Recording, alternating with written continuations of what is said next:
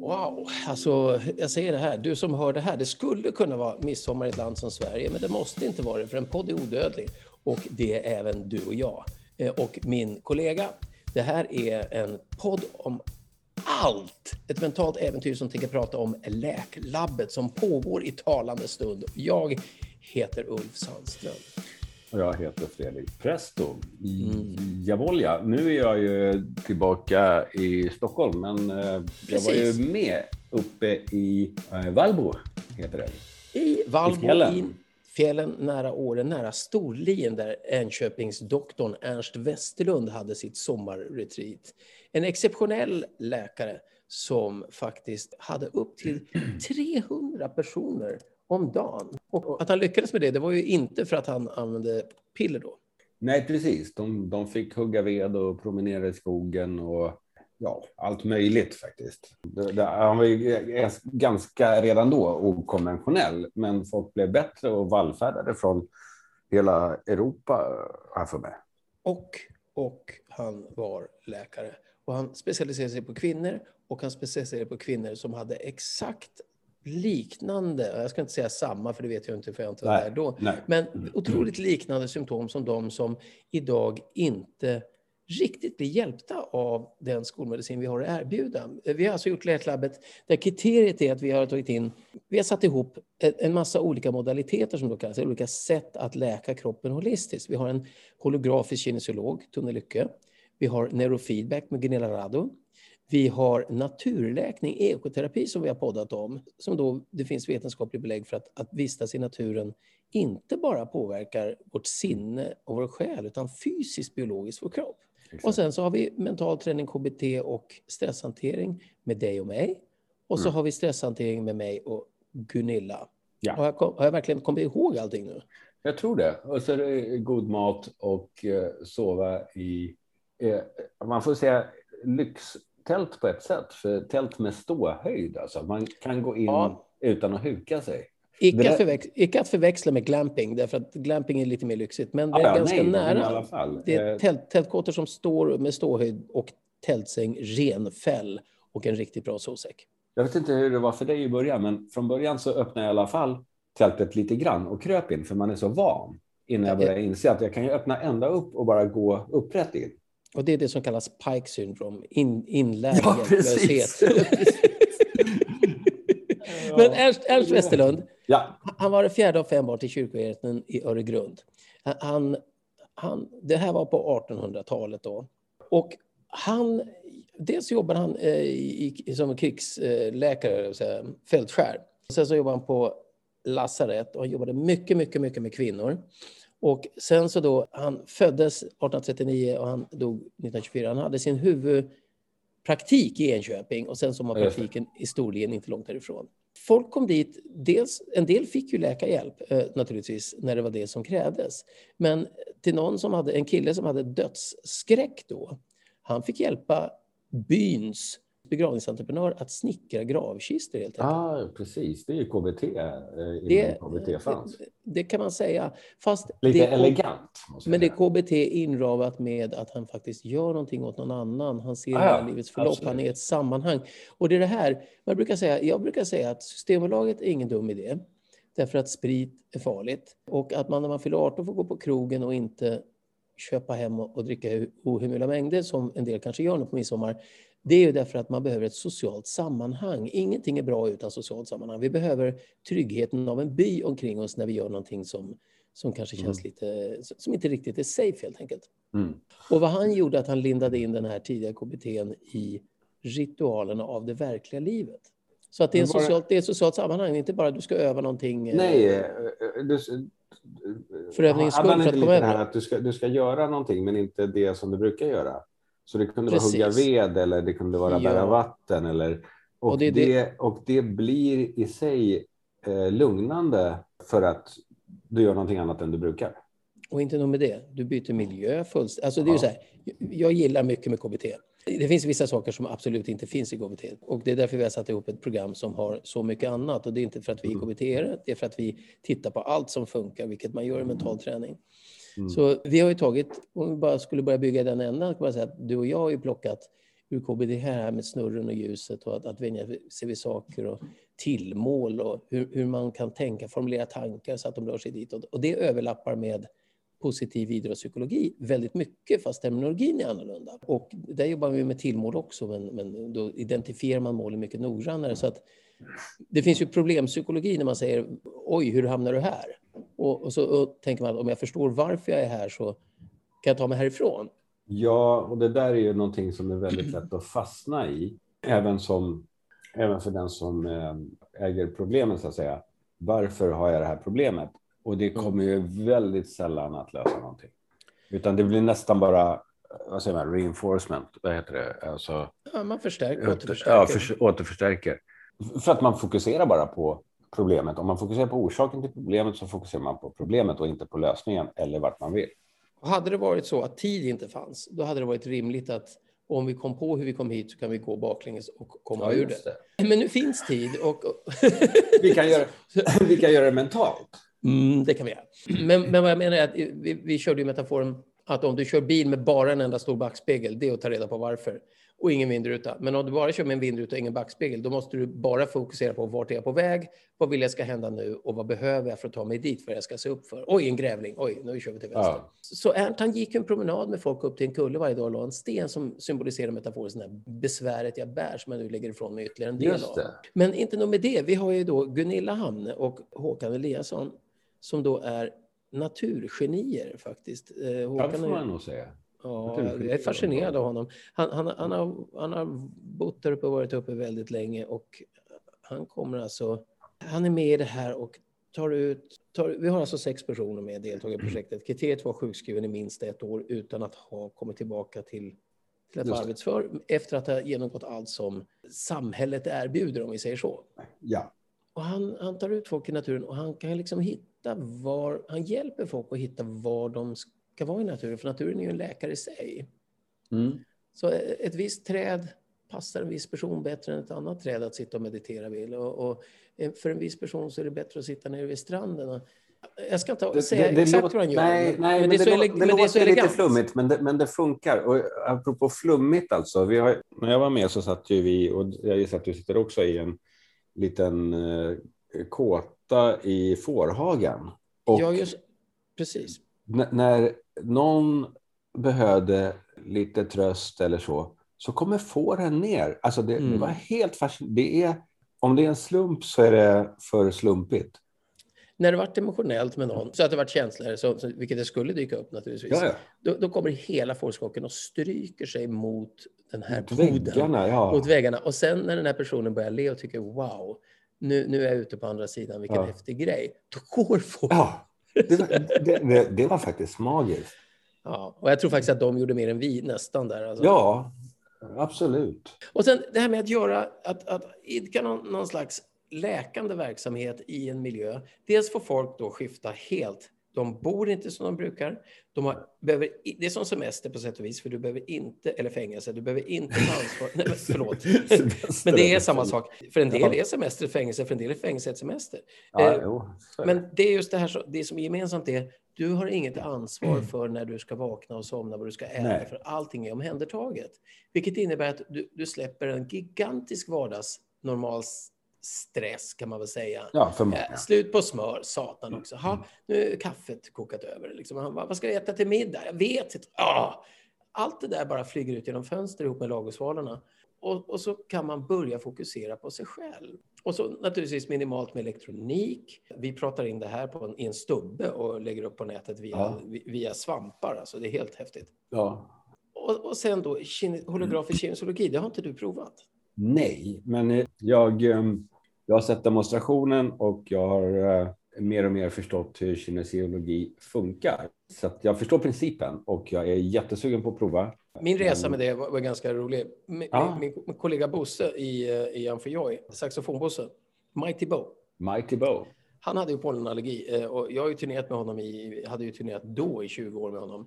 Ja. Och det här var ju på 1800-talet. Och när pollenallergin, han svullnade upp, han såg ut som en sån där kräftlykta på våren. Jag kan se framför mig Bosse som en kräftlykta. Ja, och jag verkligen led med honom. Ja. Och, och, och, det var riktigt besvärligt. Och faktiskt, han kommer plötsligt och säger, det, va, va, hur känns det? Ingenting alls. Vadå då? Jag var hos en kinesiolog. En va? Det tog mig ett år innan jag kunde uttala ordet kinesiolog. Ja, det är ett knepigt ord. Ja. Och man pratade om att ja, men hon muskeltestade och gjorde massa saker. Och det lät hur flummigt som helst. Och då hade jag också någon liten grej så jag gick dit och det försvann. Och då tänkte jag, oj vad flummigt. Så började naturligtvis, vi är båda ingenjörer, byggnadsingenjörer, gymnasieingenjörer i botten, så att vi gillar liksom tinker på engelska, ett bra ord. Att, ja, att, att, att, fuppla med saker för att se hur de funkar. Ja, man öppnar en klocka och liksom, hoj, sproink, jäklar, den där behöver vi inte. Och så sätter man ihop den och den funkar ändå. Mm. Men då är det ju så att muskeltestning finns det idag. Idag finns det ju forskning som, som bekräftar muskeltestning som ett sätt att kroppen, man använder kroppens, hjärnans förmåga att parera med muskler, tryck och drag i kroppen som visar att kroppen funkar som den ska. Om det hade varit en, en robot så hade man liksom tryckt, håller emot med samma man, kraft som jag trycker. Och kan inte roboten göra det så är den felprogrammerad. Om den trycker för hårt så är den felprogrammerad, trycker den för löst är den felprogrammerad. Och man kan väl säga samma. att det är ett sätt att kommunicera med kroppen. Och kroppen på sätt och vis. Nu låter det lite flummigt som att kroppen har ett eget liv. Men ja, ja, nej, ja, ja, men jag skulle säga att det är som att... att... att det, kroppen styrs av omedvetna processer, så du kommunicerar inte med medvetandet eller det rationella tänkandet.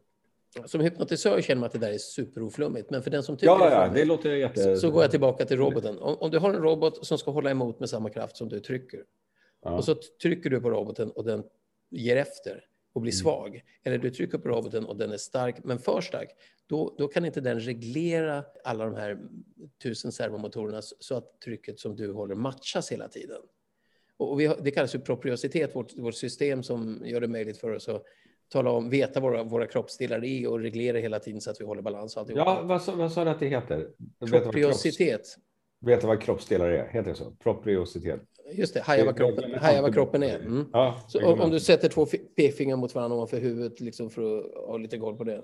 Så att utan att, jag får säkert stryka av tonen sen för, för att jag har förenklat det. Ja, men, men, men, principen är att Tone som då är väldigt skicklig på det här, hon är då upplärd av Ulf Kilman på Kilman-institutet. Och där jobbar de, det är tre saker de kollar. De kollar, är kropp och hjärna kopplade så att kroppen kan hålla emot i alla muskler om man mm, ger ett, ett mottryck så att säga. Mm. Är, är den stark och funkar? Ja eller nej? Och sen då finns det ju saker som kan göra kroppen svag och det är antingen då att man har saker i kroppen, parasiter, basilusker, mm. bakterier, virus, eller saker som vi tillför, födoämnen, Ja, det kan vara vatten som man gjorde i sin medicin. demonstration. Ja, Be vatten. Behöver lite vatten. vatten? Ja. Eh, eller så kan det faktiskt vara material. Det kan vara ett par skor eller gummi eller en dator som, som spottar ut um, plastånger i början när den är ny. Och det här, då kan någon säga, jag hör redan eh, en skock av arga röster i bakgrunden. Var är vetenskapen? Var är vetenskapen? Och det finns faktiskt en hel del därför att Kilman mm. samarbetar med Karolinska institutet och tar fram kosttillskott då som är generella. Det vill säga, vi, vi, jag tror att det är 23 eller 28 aminosyror vi behöver för att överleva och sex mineraler och nio aminosyror är livsviktiga. Och vi behöver vissa födoämnen. Så att, att vara vegan till exempel kan funka jättebra om vi har en bra grunduppsättning i kroppen. Men skulle vi få superbrist på något eller en penicillinkur som slår ut eh, det, det naturliga immunförsvaret också, då, då behöver vi kanske boosta det där på sätt som, inte, som kanske kanske inte riktigt går med en helt vegansk kost. Och i Kina där tänker man alltid food, food as medicine. Liksom. Mm. Att, att man i kosten ser till att parera det mesta. I, I Kina är det ju friskvård. Var det inte du som sa att i Kina så går man till sin läkare och betalar så länge man är frisk. Jag vet ju inte om det är sant. Jag bara det är en bra story. Vi, vi, bra story. vi, vi ja. låter aldrig fakta komma i vägen för Nej. en bra story. Så, så länge du är frisk betalar din läkare. När du är sjuk så så behöver du inte betala för då är det jobb. Det är, det är som en hyrbil. Det är du som är hyrbilen och läkaren hyr ut Precis. Men det är det holografiska och då kan man få en del av de här tillskotten. Där har Kilman då eh, väldigt vänligt, eftersom han också ingår, eller i Kemiinstitutet med Ulf Kilman, ingår i massa studier som förut. Och det här är ju en studie vi gör. Så han, han har ställt upp, ingen, ingen får vara vinstdrivande, det får inte finnas något vinstintresse i det här projektet. Så alla har ställt upp eh, ideellt så att ja. vi kan ha no vi kan skriva det sen i slutet. Så att det är jätteschysst. Då har vi kosttillskott med några av de här grundämnena som behövs, ofta Ja. i kroppen. Och sen så har vi neurofeedback. Vad tyckte du om det? Jag har inte provat det heller, jag hann ju inte med det. Men samma sak där, jag fattar principen. Och det är alltså, hjärnan får... Du sitter alltså med elektroder, nej, hon kallar det för sensorer, men det är det. elektroder Ja. på huvudet. Ja, just det. som då mäter den elektriska aktiviteten i hjärnan, gissar jag. Och det här har man gjort. Nej. Ja, eller ja och nej. Ja. Det Jo. måste det vara. Annars, Det är bara att när man tror att någon mäter något så tror man att man får resultat som är mätresultat. Ja, Men men, det det. man ser, nej, det är inte det. Nej, men man får feedback på det och så får man titta på, är det en bild eller en rörlig film eller? Man, man kan titta på olika sorters miljöer. Ja, men de ger en feedback till hjärnan och hjärnan själv balanserar sin aktivitet utan att du behöver göra någonting. Tänk, tänk dig att du ska lära dig dansa tango och du kan inte. Och så, så kommer någon som kan dansa tango och tar tag i dig och börjar föra dig runt. Så blir du plötsligt medveten om hur du rör dig, du blir medveten om din kropp och så plötsligt börjar ah shit, så här man kan göra. Lite så ser jag det, därför att hjärnan är en otroligt nyfiken krabat på en nivå, alltså inte vårt Mm. medvetande utan själva hjärnan. Mm. Den försöker hela tiden tolka vad är det som händer, varför gör de på detta viset, vad är det för något, vad är det där för något och hitta förklaringar. Och när vi då tittar på en sån där film, då, jag har testat det här och jag tyckte det var vilosamt, det var som att meditera, det var som att vara i flow. Mm. Mm. Vad som då händer är att hjärnan ser filmen och då, till exempel jag hade ett flygplan som flyger i en, i en miljö, lite Mm. abstrakt. Och när det här flygplanet flyger, ju mer jag slappnar av, om jag skulle säga så, eller ju Mm. mer min hjärna är relaxad på alla sätt. Just det, och du gör det inte aktivt, eller hur? Nej, det är ingenting jag vet. Jag vet inte ens vad jag gör, men Nej. då flyter den här filmen på ett annat sätt. Och så har man en nallebjörn med vi- vibratorplatta i som ibland surrar till som man håller i. Så att man får vibratorfeedback och man får feedback från skärmen. Och det enda som är att i vissa lägen så känns det lite coolare. Man hamnar i ett flow och får det där att funka. Mm. Och då, då har det visat, det som jag blew me away, alltså verkligen blåste bort mig när Gunilla Radde då berättade om forskningen kring det, för det är Ottmer-metoden heter den, den har funnits superlänge och det finns alltså över, det är en databas med över 10 000 om det inte är fler, mm, kan jag ha missuppfattat, men över 10 000 eh, fall där man har liksom jämfört data för olika människor. Och mellan 10 och 20 gånger brukar man göra för att få resultat. Vad man gör är att man bara helt enkelt hjälper hjärnan till rätta. Mm. Ungefär som qigong faktiskt. Man kan säga gör- att man hjälper hjärnan, eller hjärnan får möjlighet att hjälpa sig själv till rätta, för det är ingenting man Ja. gör aktivt.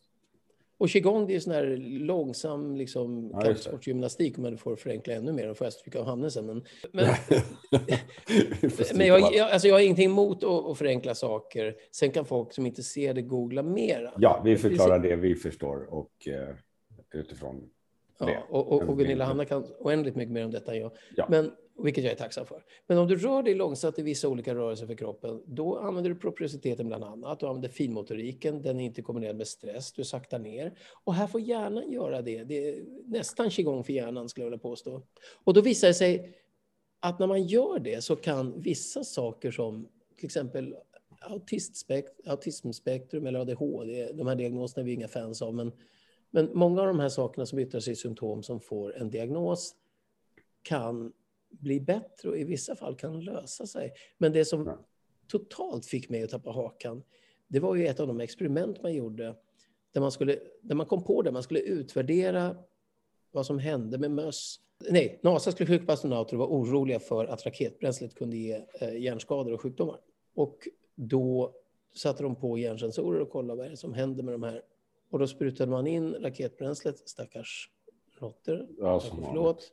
Och i vissa råttor så fick de, då, fick de möjlighet till, till neurofeedback. Och de som hade hjärnan i balans, om jag får uttrycka det så, vilket är min övergripande tolkning, absolut inte, det, är inte Ja, ja. nödvändigtvis Nej, så ja. i studien. Men resultatet var att de som hade hjärnan i balans blev inte sjuka. Och blev immuna, har jag för mig, mot Mm. det här äh, raketbränsleångorna eller vad det nu var. Och det är, ju, det är ju galet, för då helt plötsligt så inser vi att om vi är stabila, mentala i balans, mår bra, mediterar, mindfulness, yoga, tar hand om oss, vandrar i naturen, äter nyttigt, i normala fall, Mm. så är risken för mycket av den här påfrestningen av moderna samhället, om man nu får säga, som inte har varit där i flera miljoner år, som partiklar från dubbdäck på Hornsgatan och kemikalier från apparater och skärmar med knasigt ljus och mycket information och strålning från annat än solen. Och, menar, det, vår organism har ju vant sig jättelänge och så har det hänt så otroligt mycket på kort ja, tid. Ja. Och då tror jag att det är viktigt att vara i balans. Och vår stora fråga med Läkarlabbet är om vi balanserar folk i tio dagar, vad kan då hända med deras förmåga att fungera? Både mm. fysiskt och mentalt, emotionellt. Exakt.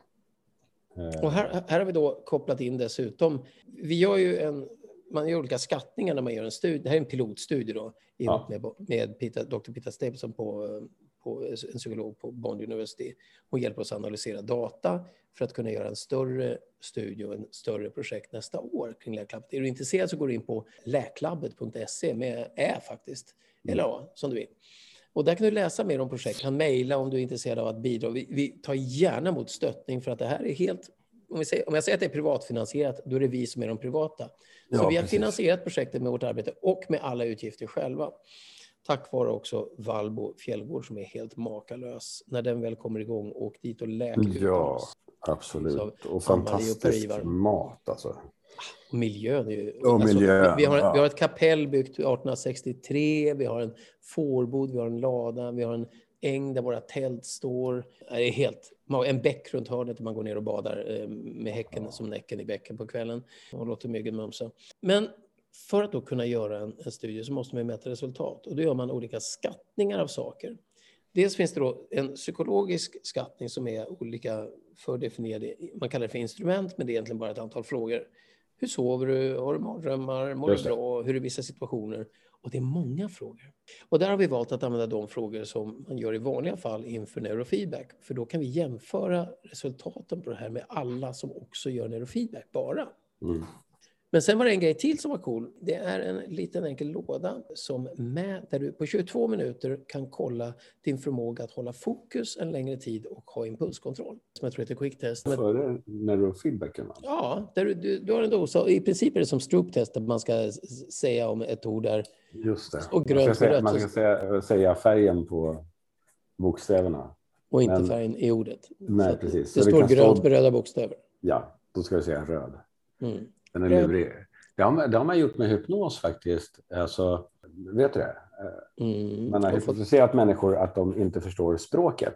Och då, då säger de färgerna eh, supersnabbt. Exakt, exakt. Då är högerhjärnan inkopplad. Och störs inte av den där vänsterhjärnan. Det är Robin Hood jag vill ha. ja, ja, det, ja, precis. Språkcenter är, noll, är väldigt liten aktivitet. Ja, ja det är bara symboler. Det är, det är liksom det är ledtrådar. Om jag säger stol, det kan vara hundra olika stolar. Ja, och på danska betyder det att lita på. Jag stoler på det. Jag stoler på det. Det betyder inte att man sätter en stol på någon. Nej. Men den här testen då, då, då kollar du bara, du trycker på en knapp, du ska trycka när det är ett, en symbol som visas, du ska inte trycka när det är en annan. Don't shoot your body som man gör i sån här skytteträning. Där får man då ut också en exakt graf över din koncentrations och impulskontrollsförmåga. Och även det är en databas med tiotusentals människor där man kan jämföra med ålder och om man nu tycker det är viktigt genus. Det här gör att vi har två väldigt konkreta testgrejer. Sen när Tone gör holografisk kinologi, då testar hon kroppen och skriver ner vad kroppen säger om alltihopa. Och då kan man säga oavsett vad det är exakt som händer där så får man en likadan mätning i slutändan. Så att säga, hon mäter kroppen igen på samma sätt efter. Ja, just det. Ja, före och mm. efter. Ja. Och, och sen för vår del så är det ju kvalitativt mer. Vi gör ju en del allmänna interventioner som vi har, som, som vi har satt ihop i ett paket eh, från mental träning, hypnos, NLP, KBT, all, alla möjliga områden. Men vi gör också specifika interventioner per individ eftersom alla är unika. Det går inte. Ja, ett, one nej, size doesn't fit all. Surprise. Så att det, målet är inte att det här blir en metod, en modell som ska funka, utan målet är att se vad händer, vad händer med sex personer när vi lägger ihop alla de här modaliteterna. Men sen det spännande i år, det är, vi gjorde ett salivtest, kommer du ihåg det? Ja. Jag har inte gjort något efter. Nej, för det får du göra sen. Det får jag sen, ja. Eh, och då, då, mäter vi alltså, då lägger vi en, en kudde under tungan som får ligga i två minuter, stoppar ett provrör, fryser ner till 20 minus. Där kan den ligga ett halvår. Och så gör vi detta i början som du gjorde, i mitten och några dagar i slutet av första perioden. I mitten har vi en uppföljning där vi inte gör prover, eller också ger vi alla prover det då också. Och sen så har vi en uppföljning i slutet på sommaren efter två månader där vi gör sex dagar igen. Och då gör vi också i början och slutet av den. Då har vi minst fem mätpunkter av saliv. Och ur detta kan vi alltså utvinna ett antal olika saker. Och, och det är det som är spännande. att vi vill inte ha något invasivt, vi vill inte sticka hål, vi vill inte ha blod och kiss och sånt. För att det, vi är inte en annan hantering och det är, det är inte, nej men det är kladdigt, eh, höll jag på att säga. Men vad vi kan göra är att vi kan göra det här och då är nu kommer Per-Ivar här med frukosten. Vi kan ja. visa alltså tre markörer för förändringar i IGA, kortisol och DHEAS. Vi behöver inte gå in nu på vad det är, men det här är alltså kopplat till höjning och sänkning av immunförsvar. Och det innebär att vi kommer att kunna även mäta och då finns det en annan, undrar man då vad har vi för kontrollgrupp? Då finns det eh, återigen en annan, massa andra studier gjorda i Japan om skogsbad. Just det. Och, hur, och det här är bland annat några av de markörer som de har haft med i sina studier där man då visade ett dygn i skogsmiljö utsatt för terpener och lugn kunde alltså höja immunförsvaret upp till 40 procent och effekten var kvar i en månad. Ja, det här är väldigt spännande. Groovy. Groovy helt enkelt. Groovy. Vi kallar det för läklabbet. Leklabbet? Precis, för le, riktig lekning är läk. Nej, riktig läkning är lek, brukar vi säga. Ja, Min mormor precis. sa till det i alla fall. Ja, det får. Mm. Så att vi ser fram emot att få följa upp det här. Vi har en dagbok på Facebook där gruppen heter Surprise. Vad heter den? Jag gissar Läklabbet. Ja, du gissar rätt. Och om man vill nå Läklabbet, vad är det för mejladress då? Vad gissar du? Info at läklabbet. Läklabbet.se. Men det, där stavar vi med A eftersom mejlprogrammen inte klarar Just det. Laklabbet. Info at laklabbet.se. Man mejlar oss är det info mm. at en podomalt. Och vill du stötta oss på något sätt? Alltså det är så här, vi, vi har nätt och jämnt så att vi klarar oss med hakan ovanför vattnet nästan fram till slutet. Vi, vi tar gärna emot bidrag om det går. Var, varje liten del hjälper. Allt går oavkortat till projektet. Vi har öppen redovisning. Vi har eh, ideell organisation som står som mottagare. Det är Peaceful Heart Network. Vi har Paypal, vi har Swish, vi har Plusgiro. Målet med detta, det, det, kan du, det står då om på laklabbet.se, det behöver inte jag eh, säga här.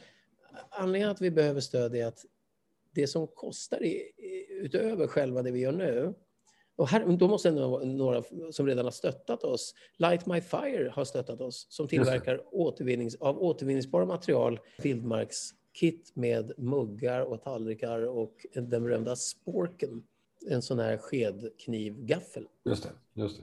Och det är vi otroligt tacksamma för. Och Åbottel har också sponsrat oss. De gör vattenflaskor i stål som är termos som både håller kyla och värme 46 procent bättre än konventionella i test och som dessutom är otroligt snygg. Så vi, vi, att jag nämner det här det är för att det, vi är otroligt tacksamma för det stöd vi kan få. För det som kommer att kosta det är analysen av datan. Fördelen är att vi kan ha den nedfryst i upp till sju år så att vi, vi kan vänta till vi får in tillräckligt mycket. Och vi kan göra fler tester ju mer medel vi har, för man kan få ut väldigt mycket saliv i efterhand. Ja. Ja, yeah, tänk på det nästa gång du spottar. man ska inte spotta i glaset, man vet, aldrig, man vet aldrig vem som tittar i det. Så. Nej, precis. Och det är väl ett råd inför midsommar som nyss, som nyss har varit, höll jag på att säga. Eller som, ja, som, som är runt knuten. Va? Är, är inte det, om man lyssnar på den här i sitt absolut färskaste tillstånd, är inte det idag? Jo, det är det. Mm. Ja, vad häftigt. Då önskar jag dig för alla dagar i midsommar, om du bara tror, och då önskar jag dig en... If you don't know what midsummer is, check it out. It can be you today. Så um, ha en fantastisk midsommar. Ja. Yeah. Mm. Och ha det året runt, tycker jag. Tycker jag med. Mm.